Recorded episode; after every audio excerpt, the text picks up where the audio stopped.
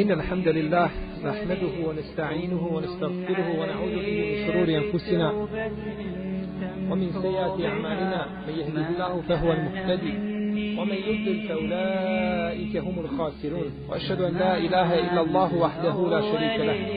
وأشهد أن محمدا عبده ونبيه ورسوله وصفيه من خلقه وخليله.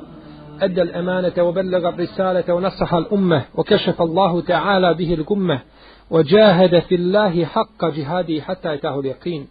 يا أيها الذين آمنوا اتقوا الله حق تقاته ولا تموتن إلا وأنتم مسلمون. يا أيها الناس اتقوا ربكم الذي خلقكم من نفس واحدة وخلق منها زوجها وبث منهما رجالا كثيرا ونساء. واتقوا الله الذي تساءلون به والأرحام. إن الله كان عليكم رقيبا.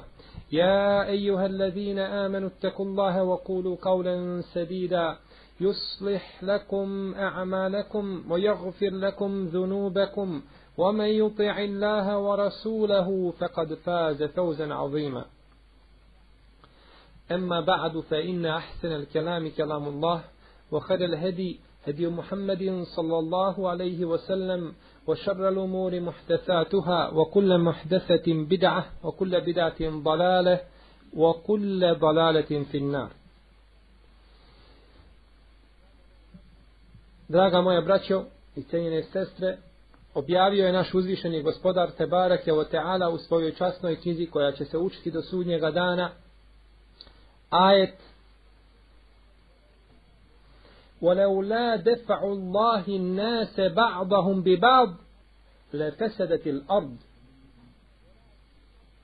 ولكن الله ذو فضل على العالمين a da Allah ne suzbija jedne ljude na zemlji sa drugima, na njoj bi nered nastupio. A da Allah te barak je ne suzbija jedne ljude sa drugima, na zemlji bi pravi nered nastupio, ali je Allah jalla še'nuhu milostiv prema svjetovima. Dakle, ovo suzbijanje koje Allah te barak je o teala spominje u svojoj knjizi, u njemu je hajri dobro za ljude. Ovo suzbijanje omogućava da na zemlji vlada mir. Jer da nema toga suzbijanja, onda bi se jedni ljudi oholili na drugima, pa bi ih tlačili, ugnjetavali i njihova osnovna ljudska prava uzimali. Isto tako iz ovoga ajeta možemo zaključiti da će džihad ostati postojan do sudnjega dana. Da će džihad kao institucija u islamu ostati postojan do sudnjega dana, kako je rekao poslanik sallallahu alaihi wa alihi wasallame. Jer jednostavno borba protiv dobra i zla se nastavlja do sudnjeg dana. I dok ima borbe između dobra i zla mora biti i džihada na Allahom te barake wa ta'ala putu. Stoga ne treba se nikako ni osprtati na riječi onih koji govore da nema džihada. Nikako ne treba gledati u te riječi, ne zaslužuju da se pogleda nikako u njih. Jer je to oprečno Kur'anu i sunnetu i konsensusu islamskih pravnika ehlu sunneta od džemata. Jer najzad na kraju krajeva to nije u njihovim rukama. Ne mogu oni odlučivati ima džihada nema džihada. To je Allah te barak kao tala propisao i čovjek će biti muđahid htio ili ne htio. Ako nećeš biti onaj koji ćeš ići oslobađati teritorije da islam dođe do ljudi, bit ćeš onaj koji ćeš se braniti. Ako nećeš ti njih, on hoće tebe. Jedni će jedni napadati, pa ako nećeš napadati, hoćeš se braniti. Pa moraš biti muđahid htio ili ne htio.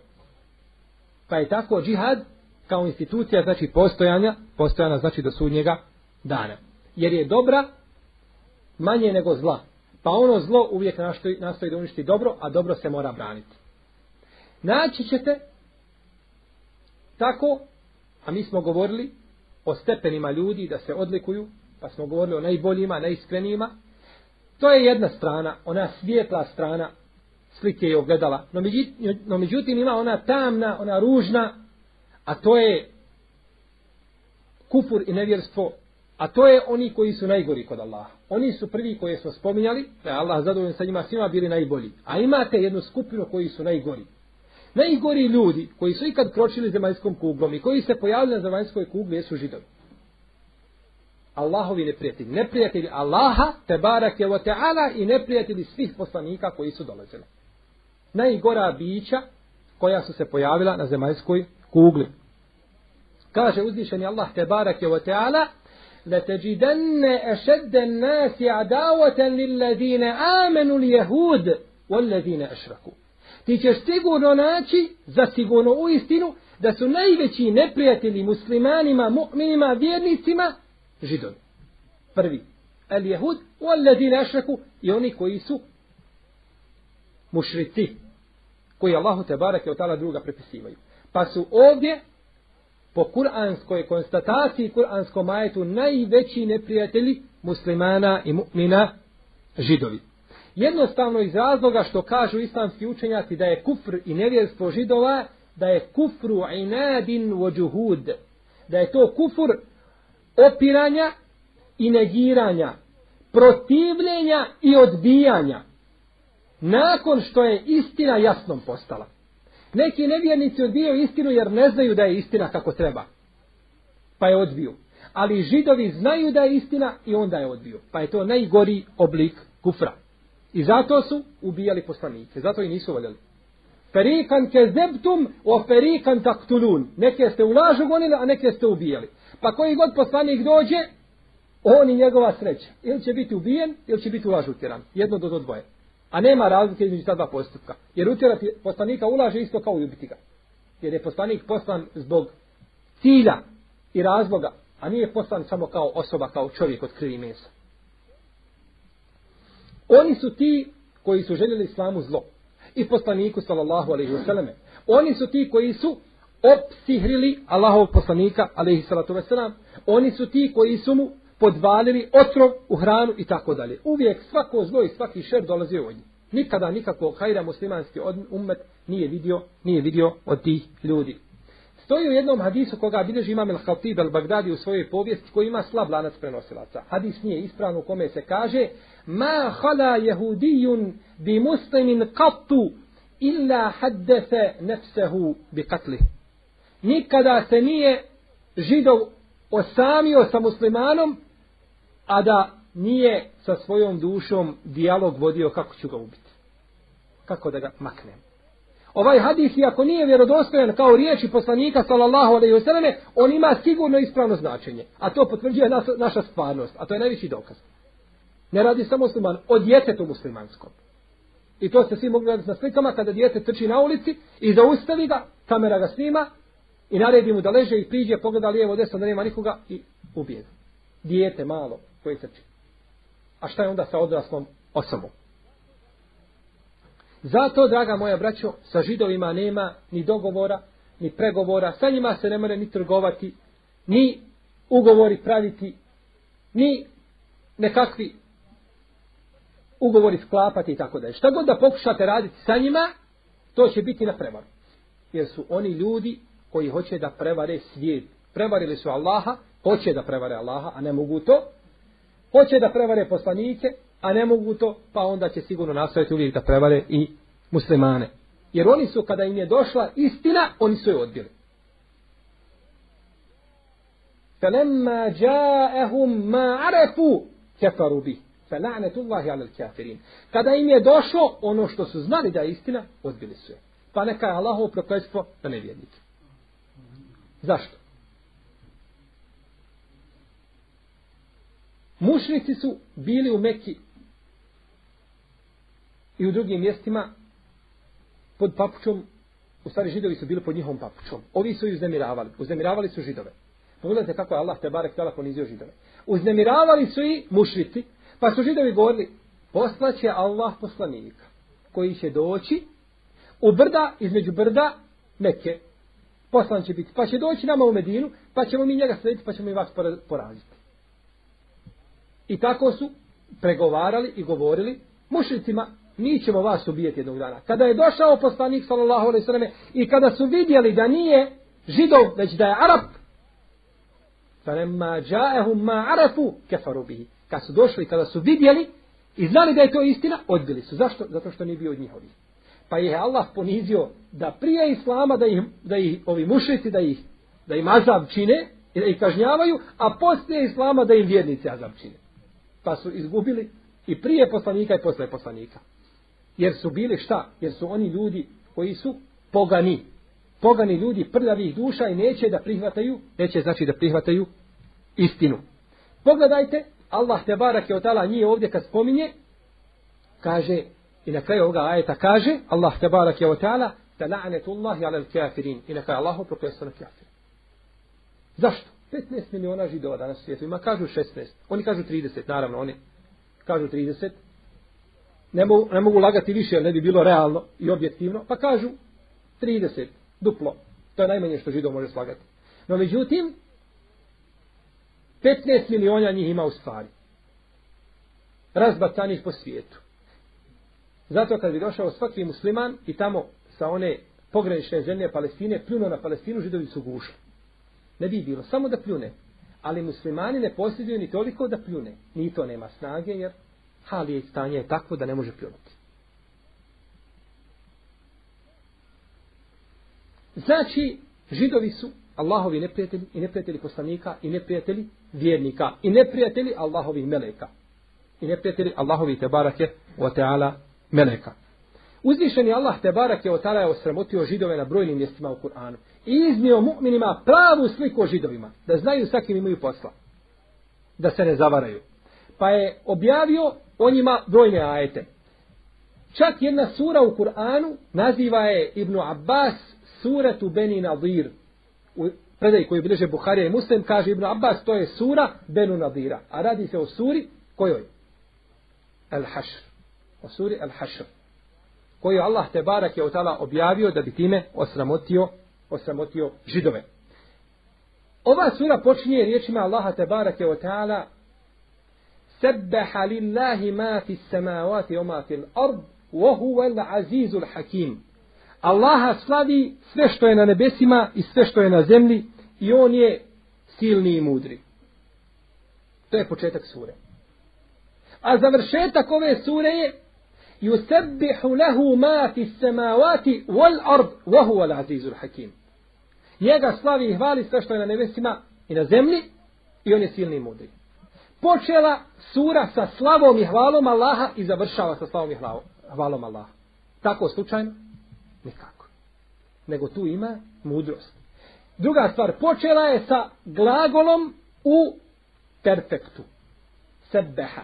U prošlom vremenu. A završila je sa jusebihu, Sa sadašnjim, u sadašnjem vremenu. Sa prezentom. Pa i u tome je mudrost. Sebeha za prošlo vrijeme. A yusebbihu za sadašnje i u arapskom jeziku kada dođe glagol u sadašnjem vremenu, on znači kontinuitet i istrajnost ustrajnost u tome te spihu, znači uvijek, uvijek, uvijek te spih. Allahu te barake o teala. Načini kakvoća ovoga te spiha došli su dalje u ajetima u kojima uzvišeni Allah te barake o teala kaže pri kraju sure Huvallahu alladhi la ilaha illa huve gajbi wa shahade huwa rahmanu rahim. Huwa Allahu alladhi la ilaha illa huwa الملك القدوس السلام المؤمن المهيمن العزيز الجبار المتكبر. سبحان الله عما يشركون. هو الله الخالق البارئ المصور. له الأسماء الحسنى. يسبح له ما في السماوات والأرض وهو العزيز الحكيم.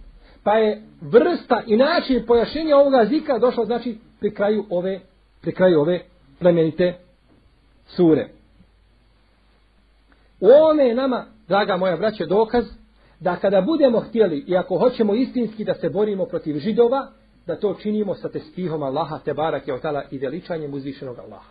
Jer je pobjeda od njega i nasr dolazi od uzvišenog Allaha, azze ođel.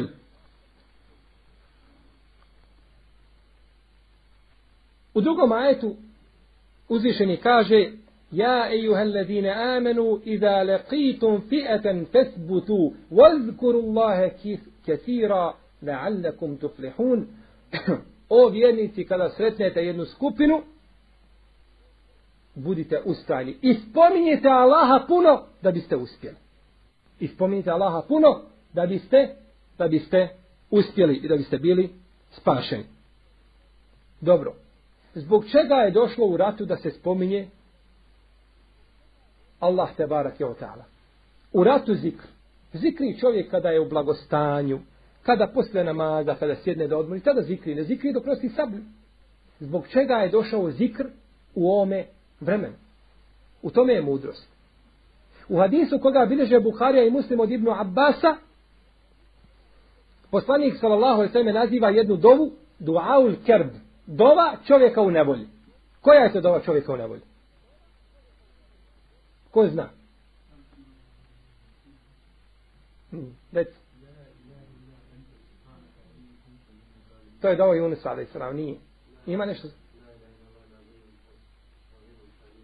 Tako je. La ilaha illa Allah, rabbu samavati u lardi, rabbu l'aršir kerim. To je dova, duaul kerb. Tako je. Da je bila nagrada, bio bi dobiti.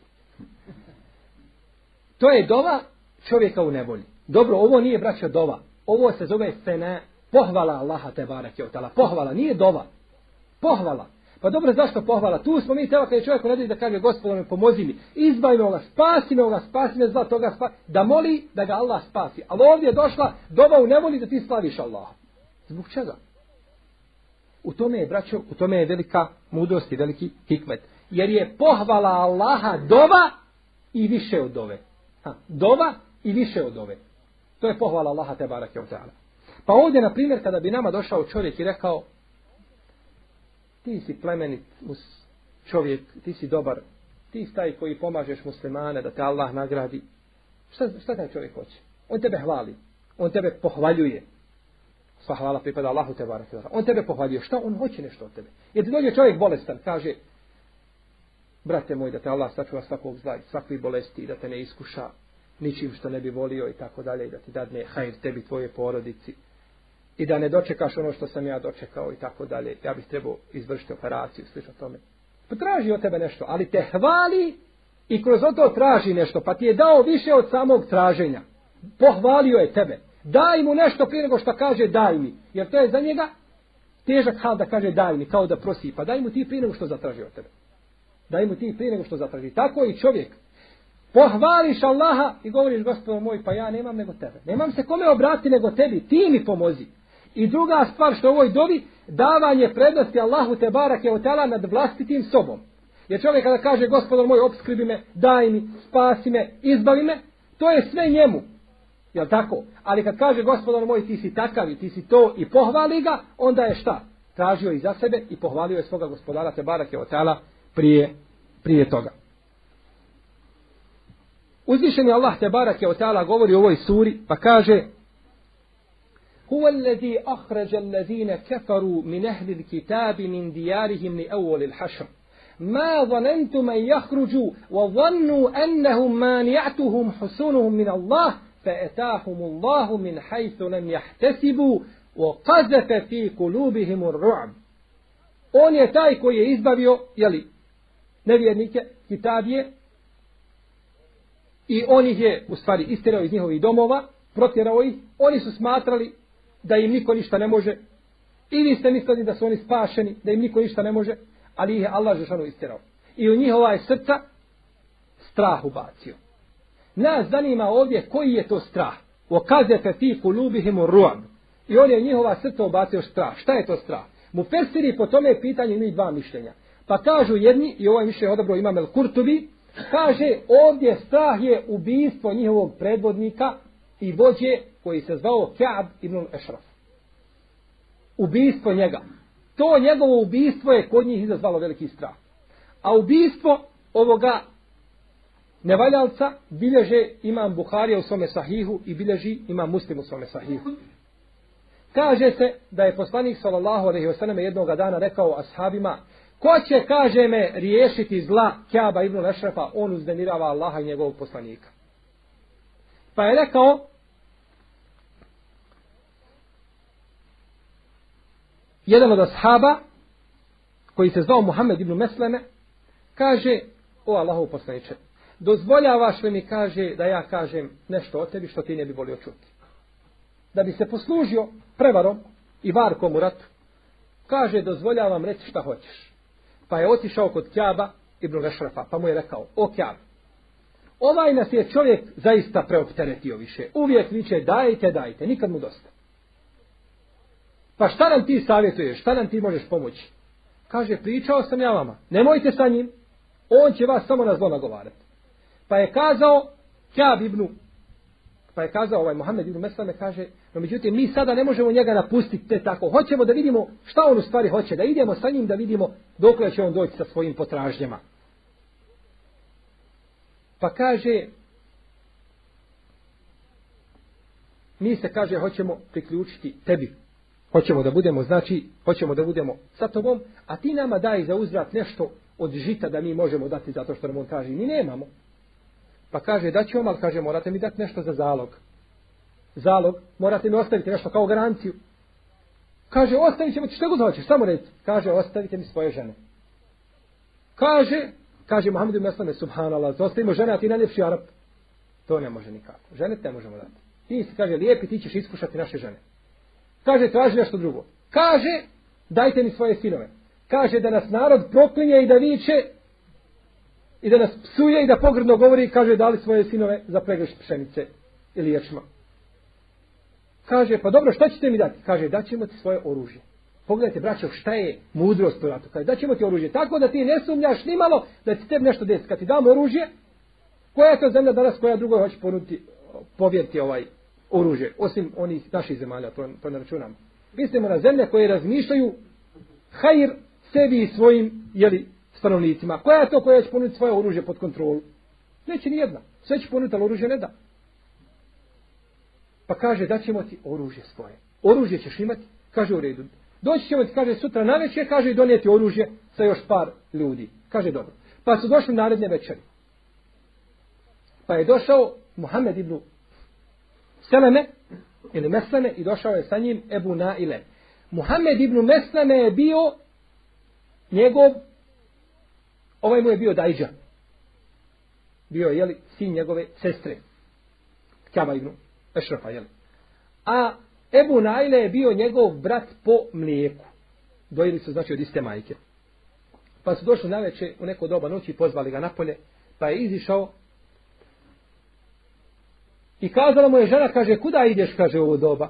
Kaže, meni ovo ne miriše na dobro. Kaže, tu su došli, kaže, Muhammed ibn Meslame, kaže, to je sin moje sestre i kaže došao je Ebu Naile, kaže to je moj brat po mlijeku. A kaže časni i ugledni, kaže kada bi se pozvao i da bude ubijen, kaže on bi se odazvao. Tako je rekao. Pa je izišao na polje. Pa su prišli sa njim i hodali sa njim, odveli ga daleko od kuće. Pa je rekao ovaj Muhammed ibn Mesleme, kaže, subhanallah, kako ti imaš, kaže, lijep miris. Kaže, nikada nisam vidio, kaže, da neko ima tako lijep miris. Kaže, ja se mirišem najljepšim mirisa najljepšim mirisom od svih Arapa. Pa je kazao ova Ebu Najle, kaže, mogu li pomirisati tvoju glavu? Kaže, možeš, pa je pomirisao.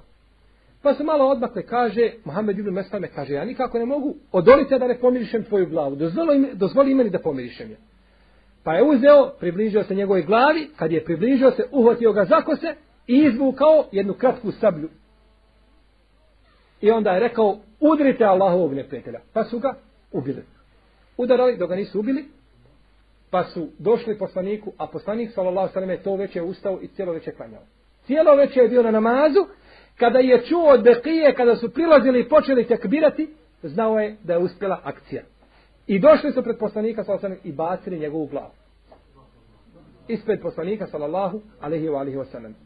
Pa kaže Imam El Kurtubi, to je taj ru'b i to je taj strah koga je Allah te barek je otala ubacio u srca židova, ubistvom, jer on je bio braćo posebno, zato je njih par došlo da ga ubiju, jer nije smio jedan. Iako je mogao jedan da ga ubije u principu. To je noć, ne vidi se ništa, on ne zna šta mu se sprema. Ali nije mogao jer je bio jako tjelesan, znači. Bio je ovaj jak, tjelesno, pa je više ljudi došlo da ga ubiju. Pa je to židovima ubacilo strah, kažu ako su ubili najboljeg i najjačeg od nas, šta će onda biti sa nama? Isto kao priča Ebu Rafije. Ebu Rafija je jedan židovski trgovac koji je uznemiravao Allaha i poslanika. Ovaj prvi, Kjab ibn Vešet je bio pjesnik, pa je spajao stihove u pogrdi poslanika sa sveme i, maj, i majki vjernika. A tada je bilo pjesništvo što su danas mediji. Isto. Na mediju kad procuri jedna vijest, kako to promijeni mišljenje svih ljudi na svijetu za 24 sata. I prije toga. E tako je bilo pjesništvo kod Arapa u to vrijeme priče Ebu Rafije bileži isto imam Buhari u svome sahihu. Kaže se da je taj Ebu Rafija uznemiravao Allaha i poslanika. Pa je rekao poslanik sa osanem Abdullah ibn Atiku. Abdullah ibn Atik. Ko je čuo za njega? Malo ljudi. A šta mu, šta mu smeta što mi nismo čuli za njega? Nismo mi čuli za njega i mi ga ne znamo, ali ga znaju džennetska prostranstva, inša Allah. Poslao je Abdullah ibn Atika i skupinu još ashaba da ga ubiju. No međutim, on je bio u dvorcu jednom židovskom koji je opkoljen, koji se čuva. Nije to lahko ući. Pa su došli do pred, tog, do pred taj dvorac i kada se je smračilo, kada je bilo ono akšamsko vrijeme, po večerje, on je omotao svoju glavu, samo da oči vire, i prišao je vratima, hodao oko dvora, pa mu je rekao onaj, kao da je izlazio napolje da obavi prirodnu potrebu, pa mu je rekao onaj čuvar, kaže, ako ćeš ulaziti, ulazi, ja zatvoram vrata. Pa je ušao. Ušao u dvorac. I znao je gdje je bio Ibnu, ovaj, Ebu Rafija, gdje je znači, gdje je znači stanovao. Pa je sačekao dok nije pao mrak potpuno i vidio je neke goste kod Ebu Rafije u njegovoj kući. No međutim, sačekao je da su one otišli i kada se pogasila svjetla, onda je prolazio kroz vrata po hodniku i kad bi god koja vrata zatvorio, zaključao bi. Da niko više nakon njega ne može ući. Nije mislio kako će se vratiti, to ga nije zanimalo. On zna cilj, kud ga je Allahov poslanik sallallahu sallam poslao. Njega ne zanima više kao oni koji su klali konja kad dođu, kad pređu u more. Zakolje konja da ne može više pobjeći. Ili kad pređe goru i tako dalje. On zna svoj cilj i došao je i kaže, ušao sam, kaže u njegovu, kaže, odaju. Ali kaže, ne znam gdje je on, pa sam rekao, kaže, Ebu Rafija, kaže, ko je to? Kaže, čuo sam, kaže, odakle dolazi glas, kaže, pa sam se orijentisao i kaže, prišao na tu stranu i kaže, udario ga sabljom. Ali kaže, sam se tresem od straha. Nije to jednostavno, braće, uć među židove, sam čovjek zaključao vrat, ne vidi ništa, nema svjetiljki. Kaže, pa sam ga udario, kaže, ali nisam ga ubio. Kaže, ja od straha ga nisam mogao ubiti. Koliko sam se tresao. Kaže, pa je on zavrištao. Povikao pomoć. Kaže, pa sam se ja malo izdvojio i kaže, samo kaže sa drugim glasom povikao, Ebu Rafija, šta je bilo, trebaš pomoć? Kaže, ma hoće neko da me ubije. Kaže, pa sam opet čuo gdje, kaže, pa prišao, pa ga, kaže, opet udario. Kaže, no međutim, no međutim, opet ga nisam ubio. Kaže, opet sam u strahu, sam se tresem. Kaže, pa sam opet, kamo, opet kaže, po treći put povikao, kaže, Ebu Rafija, šta je bilo? Opet drugim glasom. Kaže, teško se majici Ebu Rafije, neko hoće da ga ubije. Kaže, pa sam prišao sad znajući gdje, dok ga kaže, nisam osjetio po čizmama svojim i kaže, stavio sam sablju na njegove grudi i kaže, probado i osjećao, kaže, zvuk kostiju njegovi. Kaže, dok ga nisam svega probao. I kaže, onda sam izišao napolje i došao kaj kada sam silazio ni stepenice, promaši jednu stepenicu i pre, slomi je nogu. Slomi je potkoljenicu. Slomi je, slomi potkoljenicu. No, međutim, uspije se izvući van dvorca, kada je izišao kod svoje družine, kaže, tako mi je Allaha, neću se pomeriti sa ovoga mjesta, dok ne čujem, kaže, ujutru narikaču kako nariče za njim. Kad budu narikali za njim da znam da je umro, onda će se, kaže, vrata Allahom poslaniku. Iako je znao da ga je ubio, ali hoće da se uvjeri od njih da čuje da je on, jer da je gotov. Pa je ujutru kad je čuo narikaču, pokupio se i vratio se poslaniku sallallahu alaihi wasallame, pa je došao i kaže, poslanik sallallahu alaihi uzeo je, kaže, potrao je po moje potkunici, kaže, kao da mi se nikada ništa nije desilo. Iz tog momenta, znači to je bila muđiza poslanika sallallahu alaihi wa alihi wasallame. Ovo je znači taj ru'ab koji se spominje, koji je ubačen u prsa židova, Allahovih tebarake wa ta'ala neprijatelja. Drugo mišljenje jeste da je to ono što se spominje u hadisu koga bilježe Buharija i Muslim, odnosno bilježi ga Buharija u ovoj verziji Ibn Hibban od Ebu Hureyre radijallahu ta'ala anhu da je poslanik sallallahu alaihi sallam rekao U'titu hamsen len ju'tahunne ahadun qabli. Dato mi je pet stvari koje niko nije dobio od poslanika prije mene. Nusirtu bi robi mesirate šahrin. Dato mi je da se moj neprijatelj mene boji na udaljenosti od mjesec dana. Ođujlet lijel ardu mesđiden wa tahura i učinjena mi je zemlja mesđidom i mogu sa njom vršiti, znači taharet zemljom. Tejemom uzimati, jeli?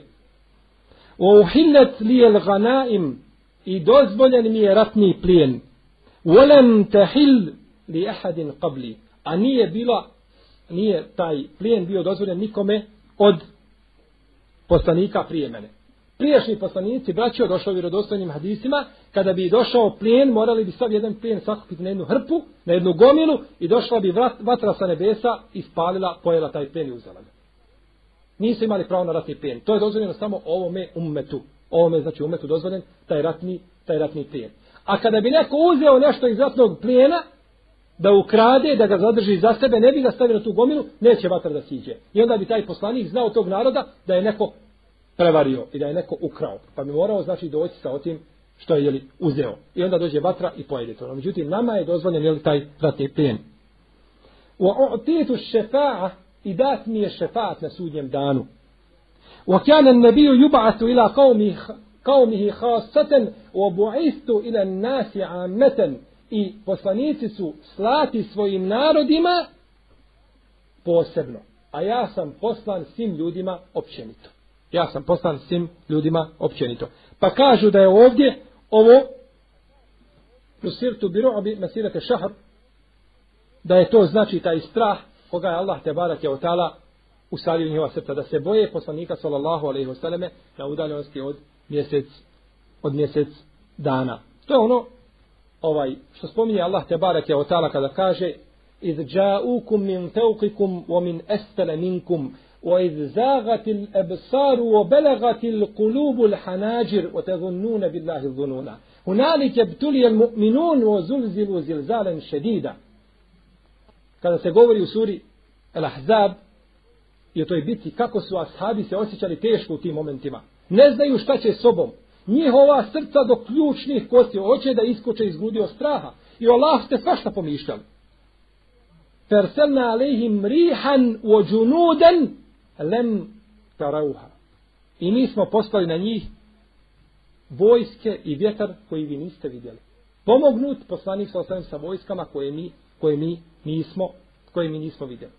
Jer ova borba, draga moja braćo, nije uvijek jednostavna strah u borbi dovede do čovjeka, dovede do čovjeka kao i ashabe da su Allahu svašta pomišljali. Šeitan ga prevari pa pomisli svašta o Allahu te barake o ta'ala. Imam e, muslim bilježi u svome sahihu jednu predaju od Džabira radijallahu ta'ala anhu da jedne prilike bio oprostite ovaj predaj od Huzeyte nije od Džabira da su jedne prilike sjedili Huzeife, koji je bio specijaliziran za fitnete i nerede, sa skupinom tabina. Pa je rekao jedan tabin, kaže da sam ja doživio vrijeme poslanika sa osalem, kaže ja bi se borio istinski na njegovom putu. Kao da je htio kazati, ma više i od tebe o Huzeife i više od drugih ashaba. Pa mu je kazao Huzeife, ti bi, kaže, tako učinio? Kaže, bi. Kaže, subhanallah, kad je bila bitka na Ahzabu, rekao je poslanik sallallahu alejhi ve ashabima ko a ovaj predaj kod imama muslima u njegovom sahihu. Kaže ko će ustati da mi dođe sa vijestima od neprijatelja? Da bude sa mnom u džennetu ovako. Haj mi donesi vijesti od neprijatelja u džennetu sa mnom ovako. Direktno iz usta poslanika bez posrednika džennet. Učini imaš džennet. Pa kaže niko se nije odazvao. Pa je to drugi put ponovio. Pa niko se nije odazvao. Nemojte kazati mi bi se odazvao Pa je treći put to ponovio, niko se nije odazvao od ashaba. Niko. Pa je kazao, ustani Huzeit. Kaže, tad je bilo gotovo. Sad sam spomenut po imenu. Nema mogućnosti da je neko drugi. Sad sam ja. Pa sam, kaže, ustao. I kaže, krenuo. Kaže, tako mi je Allaha, kaže, takav je vjetar bio. I takva je hladnoća bila da nisi mogao glavu nikako dići iz onoga rova koga si iskopali. Međutim, kaže, ja kada sam krenuo, kao kaže da sam hodao po blagom povjetarcu. Kao da ništa, kaže, nikad nikakve hladnoće ostio nisam. Bereket toga što se je odazvao poslaniku, sallallahu alaihi wa sallam, njegovoj naredbi.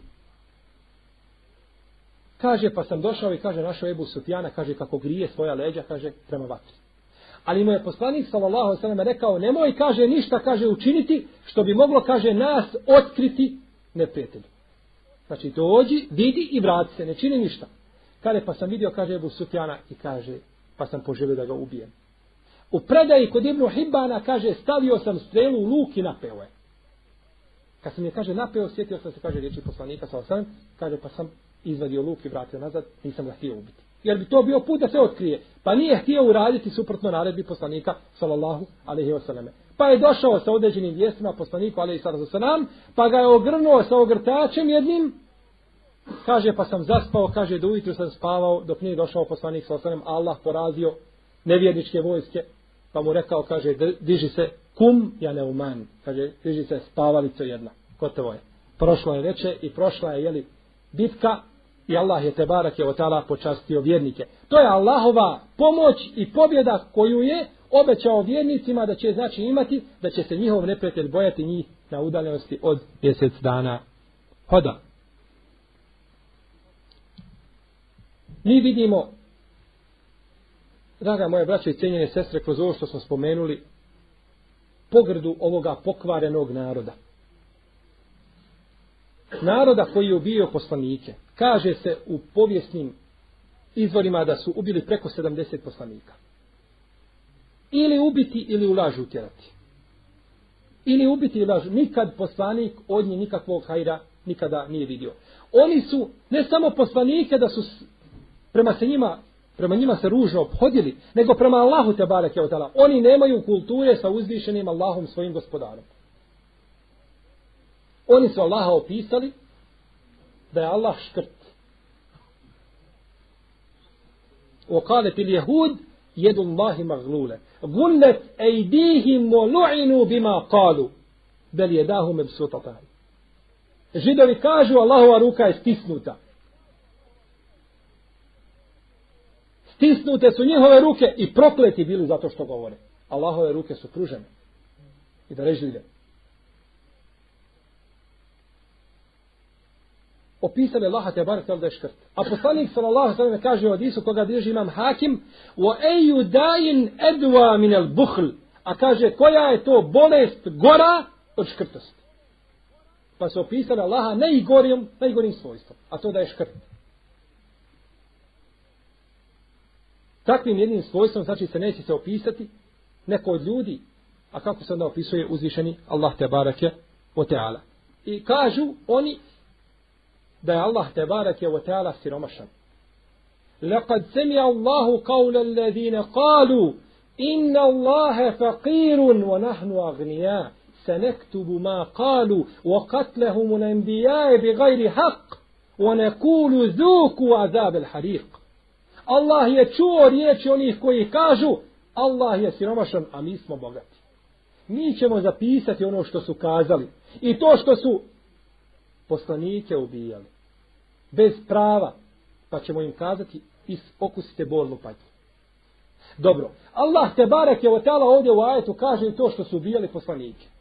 Jesu li židovi u vrijeme poslanika sa osrem ubijali poslanike? Jesu li nisu? Nisu.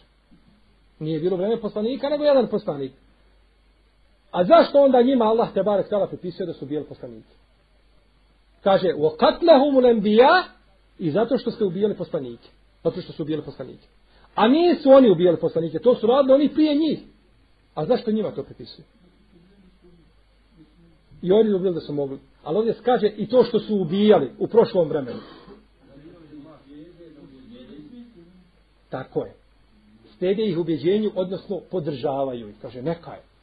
Jer čovjek jedan pije alkohol i ovaj drugi kaže, neka nek pije. U redu, čemu je problem? On je gori od njega. Ovaj pije i za sebe, ali ovaj drugi podstiče. Ovaj podstiče. Ili ubijstvo, ili ne mora bilo šta drugo. Pa su oni kao i njihovi preci. Jer odobriti grije i podzivati na njega isto kao učiniti ga. Eddalu ilal hajri Evo, edalu alal hajri kefa'ili, onaj ko uputi nekoga neko ne dobro, je isti kao onaj koji ga je uradio. A isto onaj koji uputi nekoga na zlo, isto kao onaj koji ga je uradio. Pa im je Allah te barek dala pripisao da su ubijali poslanike ovdje stvarno, iako on to u stvarnosti nisu činili, ali jesu, znači, jesu to podržavali i sledili stope svojih predaka. Šta je bio povod objave ovoga ajeta? Bileži imam Ibnu Đerira Tabari u svome tefsiru Ibn Abi Hatim, Ibnu Munzir i drugi od Ibn Abbas radijallahu ta'ala anhu da je rekao prošao je Ebu Bekr radijallahu ta'ala anhu jednog dana pored skupine židova koji su se bili okupili oko svoga jednog židovskog učenjaka koji se zvao Penhas. Penhas i slušali šta im je govorio o njihovoj nevjeri. Pa je kazao poslanik sa osanem, open has, boji se, kaže Allaha i primi islam, kaže ti znaš šta je istina. Znali su šta je istina. I znaju to i danas. Ja'rifunehu kema ja'rifune ebnaehum. I znaju ga kao što znaju svoje sinove. Nikakve sumnje nema kod nju u tome, ali neće. Kaže, primi islam, boj se Allah, kaže ti znaš istinu. Pa je rekao Fenhas, kaže, vallahi, kaže, Allah je kaj siromašan, kaže, a mi, mi smo kada bogati. Vallahi, kaže Allah traži od vas, kaže da mu pozajmite, a ne traži kaže od nas. Vallahi, kaže Allah treba više nas nego što mi trebamo Allah. Tako je rekao. Pa je, pospo, pa je Ebu Bekr udario mu šamar. Odmah ga složio. Pa je došao ovaj Fenhas poslaniku sa vasem da mu se žali. Kaže udario me Ebu Bekr. Pa je poslanik sa vasem pozvao Ebu Bekra i kazao zbog čega se učinio. Pa je rekao o Allahov poslaniće, on je rekao tako i tako on je rekao da je Allah siromašan, a da smo mi bogati, slično tome. Pa kaže Efen Has, laže nisam. Ovo je uzorak židova, najbolji, najučeniji njihov, oni se okupili kod njega, da, da je on uči moralu, da je on uči takvi bogobojaznosti, kaže, laže nisam. Najbolji uzorak njihov ovako izgleda. Možete shvatiti, možete misliti na kakvi su oni drugi. Kaže, nisam. Pa je onda Allah objavio, Allah je čuo riječi oni koji su rekli da je Allah siromašan, da ste i bogati. Mi ćemo to zapisati što su oni kazali. Nek ništa ne sikiriju. Biće na sudnjem danu šta ste govorili, šta ste radili. Pa je Allah te barek je otala objavio, znači, ovaj, ovaj ajet. Oni ne samo to, oni braćo nemaju nikakvog edeba, ni sa, ni sa Allahom, ni sa... Pogledajte njihov, Allah te barak je otala izvalio od koga, od, od faraona. Došli do mora i stali i kažu, gotovo faraon iza nas, more ispred nas, pod kamu. Nema druge. Felemma tera el džem'ani kale ashabu Musa inna le mudrekun. Kad se dvije skupine ugladoše i kad su bile blizu, rekoše Musaovi, sledbenici njegovi drugovi, gotovo je. Sad smo dočekali svoj kraj. Nema kuda pobjeći. Kuda ćeš pobjeći? Kella inne ma'i rabbi se jehdim. Nikako, sam je moj gospodar, on će me uputiti. Pa je Allah te barek od tala izbavio ih, otvorio ih more, prošli kroz more, faraon ušao u more, potopio ga. Potopilo ga more i oni nastavljaju dalje ići. I prolaze pored ljudi, vide ljude da obožava, da obožavaju tele. Kao što vidjeli, kažu Musa, Ja Musa, iđa lena ilahen kema lehum alife. O Musa, daj ti nama jednog Boga napravi, skleši da i mi obožavamo, kako je on obožavamo vidjeli svojim očima Allahove ajete. Kako se more razdvojilo da prođu, njihova stopala mokra od, morske, od morskog blata kako su prošli i vidjela ajete svojim očima i kažu da nam napravi Bog. Ovdje su braćo židovi, oni ovdje sada, ovo je mekamu šukr se zove, mjesto kada se vrijeme, kada se zahvaljuje. Čovjek dođe u bolnicu i djete mu bilo da neće preživjeti. I zahvat hiruški tamo i djete preživi sve u redu. I šta čovjek radi zahvalja sa Allah? Tako, jer je blagodat ga nijemet ga snašao. Ovdje Allah ih spasio i sad da mu se zahvale, kažu je e, Musa, da nam napred Boga. To je, oni su takvi kad zahvaljuju. Što mislite onda kakvi su drugim halima i drugim stanjima? Kad su takvi kad zahvaljuju.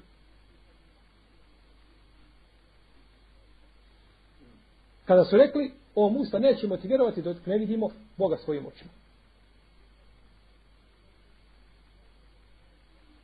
dok ne vidimo Boga. A ko je to rekao?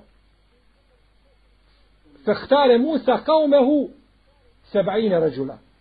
I Musa odabra svoj narod, vidite ovo braću, kako je došao ajet. I Musa odabra svoj narod 70 ljudi. Nije rekao Allah od svoga naroda 70 ljudi. Nego sto, od tih hiljada i stotina hiljada odabrao je 70 ljudi, kaže i odabra Musa svoj narod kao nije rekao od svog naroda, nego svoj narod, kao da sto samo njegov narod, to su najbolji, to su, to su ashabi Musaovi. Kad su došli na Sinajsku goru, kažu, neću vjerovati dok nam pokažeš Boga. To su najbolji, to su uzorci njihovi, to su svjetovi njihovi. Oni su takvi, kaže, nećemo ti vjerovati dok nam ne pokažeš Boga da ga vidimo svojim očima. Pa je onda rekao Musa, ale i salam, gospodaru moj, zar ćeš nas uništiti zbog onoga što su činile naše neznanice a tuhlikuna bima kale esufehav minna. Naše neznalice. I Musa je umro, a oni su za njega ostali po šehadetu Musa, jer nije došao dokaz da je rekao, gospodaru moj, on više nisu neznalice. Ostali su neznalice. Jer je Musa potvrdio da su neznalice i nije nam došao dokaz da kaže da su židovi postali nakon toga znanci, nego su ostali neznalice po šehadetu njihovog poslanika. Innakum kaumun teđhelun, vi ste kada prave neznalice u drugom ajetu. Pa su židovi ostali nakon svoga poslanika kao neznalice. Pa su znači doživjeli poniženja i na ome i na budućem svijetu. Ovo, draga moja braćo, o čemu smo govorili i o čemu se može još puno govoriti, ovo su samo neki detalji iz života židova, tog pokvarenog naroda, koji samo nered i zlo po zemlji šije. Nikada od njih nikakvog hajda nema. Zato Allah te barak je otala jeste obradovao mu'mine na jeziku poslanika sallallahu alaihi wasallame da će doći dan kada ćemo mi ubijeti židove. Kada će i drvo i kamen govoriti o muslimanu, o Allahov robe, dođi i ubij ovoga židova koji se sakrio za mene. Osim drva, drveta, jel, garkad koje je njihovo drvo. Jer jednostavno, to je, tu će biti kraj židovima. Jer jednostavno, dok njih ima, bit će zla i bit će nemira na zemlji. No, međutim, kako kaže Allah te barake o teala, vole u ladefu Allahe nase ba'dahum bi ba'd, ne fesadeti lav. ولكن الله ذو فضل على العالمين ali Allah je dobročinitelj i Allah te barake od taj koji hoće dobro svim svjetovima pa uvijek dadne oni koji će suzbijati one koji će suzbijati nevjernike i koji će suzbijati njihove vojske i njihove sile i njihovu torturu koji, koju sprovode jeli, pred muslimanima. Pa zato molim uzvišenog Allaha te barake od da i nas učini od onih koji će se boriti za ovu vjeru i protiv Allahovih neprijatelja bez obzira kakvih oni boja bili i nijansi i kako oni izgledali, a hoće zlo ovoj vjeri, da nas učini šao tala od onih koji će se boriti protiv njih i da nas učini od pomoćnika ove vjere i da popravi naša stanja i stanja muslimana u cijelom svijetu, da nas spoji na pod kapom kitaba i sunneta, da nas poveže sa ljubavlju u ime njega Tebarak je tala i u ime ove vjere i da popravi naša dijela i da najboljim od naših dijela učini zadnja dijela i da nas proživi na tim dijelima sa našim poslanikom Muhammedom sallallahu alaihi sallam iskrenim dobrim i šehidima u džennetskim prostranstvima والله تعالى أعلم وصلى اللهم على نبينا محمد وعلى آله وأصحابه أجمعين وجزاكم الله خير الجزاء وأحسن إليكم وبارك فيكم